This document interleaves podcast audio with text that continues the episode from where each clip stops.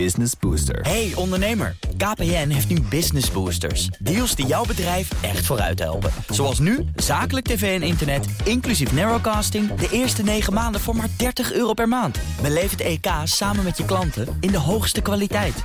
Kijk op kpn.com slash businessbooster. Business Booster. Postma in Amerika.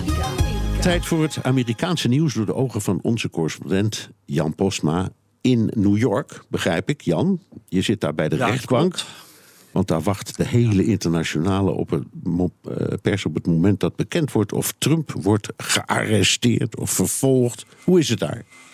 Ja, ja, nou ik zit nu, je hoort even eh, het espresso of het eh, cappuccino-apparaat... zit even in de lobby van het hotel voor een betere verbinding. En er is wel wat teleurstelling hoor, want ik was daar net eventjes wezen kijken op dat pleintje. En eh, ja, net weer bekend geworden dat het vandaag waarschijnlijk ook niet gaat gebeuren. Dus dan wordt het ook niet vrijdag waarschijnlijk, want dan komt die grand jury niet bij elkaar. Dus dan wordt het volgende week.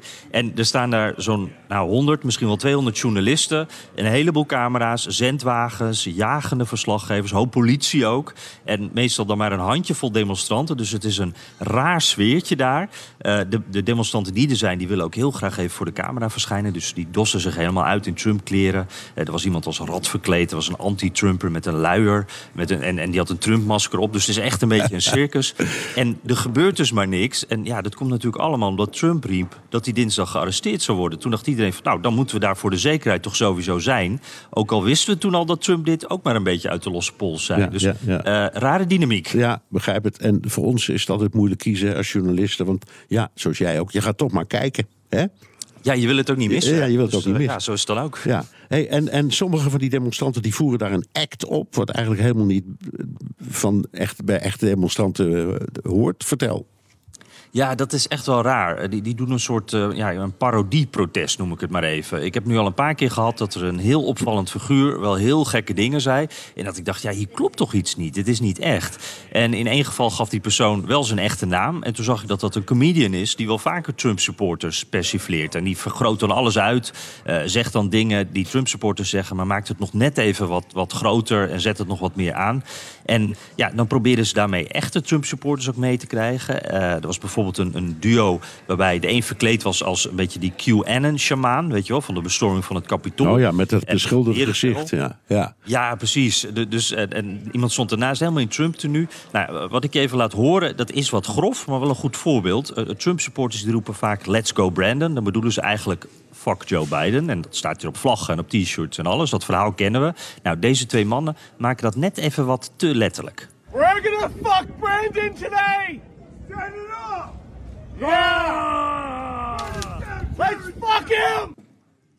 Ja, eh, het is eigenlijk een, een commentaar op de Trump-supporter dit, maar ook op de media. Want er waren toch een paar journalisten die deze mannen serieus interviewden.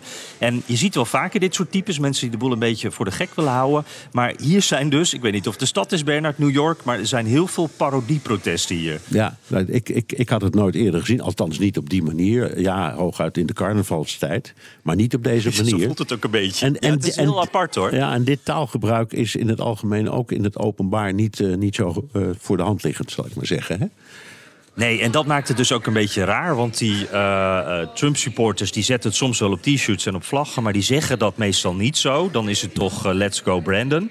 En nu wordt het dus zo geroepen en, en dan maken ze het nog even wat heftiger... en dan proberen ze dus ook wat te provoceren. Oké, wat anders. Trump heeft een wat onheilspellend klinkende nummer 1 hit te pakken. Ja, dat is eh, nummer 1 in de lijst van gedownloade liedjes van de Billboard-lijsten. Justice for All heet het eh, nummer. En het is een soort duet van Trump met eh, het January 6 Prison Choir. Dat bestaat. Er zit een hoop bestormers van het Capitool vast in een gevangenis in Washington. En die zingen elke avond om 9 uur het volkslied. Want zij vinden zichzelf politieke gevangenen. Trump vindt dat ook. Nou, die gevangenen hebben via de telefoon het volkslied ingezongen. Dat is samengevoegd. Trump is daartussen gezegd, gezet. Die doet de Pledge of Allegiance. En dat klinkt dan zo.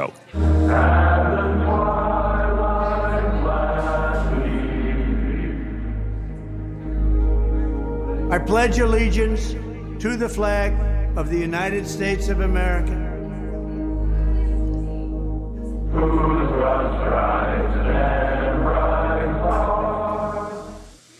Ja, zo gaat dat dan nog even door. Het klinkt echt, vind ik, een beetje bizar en onheilspellend. Maar dit nummer staat dus bij de download uh, top, top 100 staat hij op 1. En de videoclip is ook echt een beetje bizar. Meer dan dat zelfs. Je ziet beelden van de bestorming. Je ziet bijvoorbeeld ook het, het schieten op Ashley Babbitt, die Trump-supporter die omkwam. Hè. Maar met deze muziek eronder, patriotische beelden, vlaggen erbij. En zo wordt er dus met dit liedje een soort heroïsche betekenis gegeven aan 6 januari. Is echt, echt bizar. Ja, en allemaal. En dit zijn dus uh, mensen die gevangen zitten.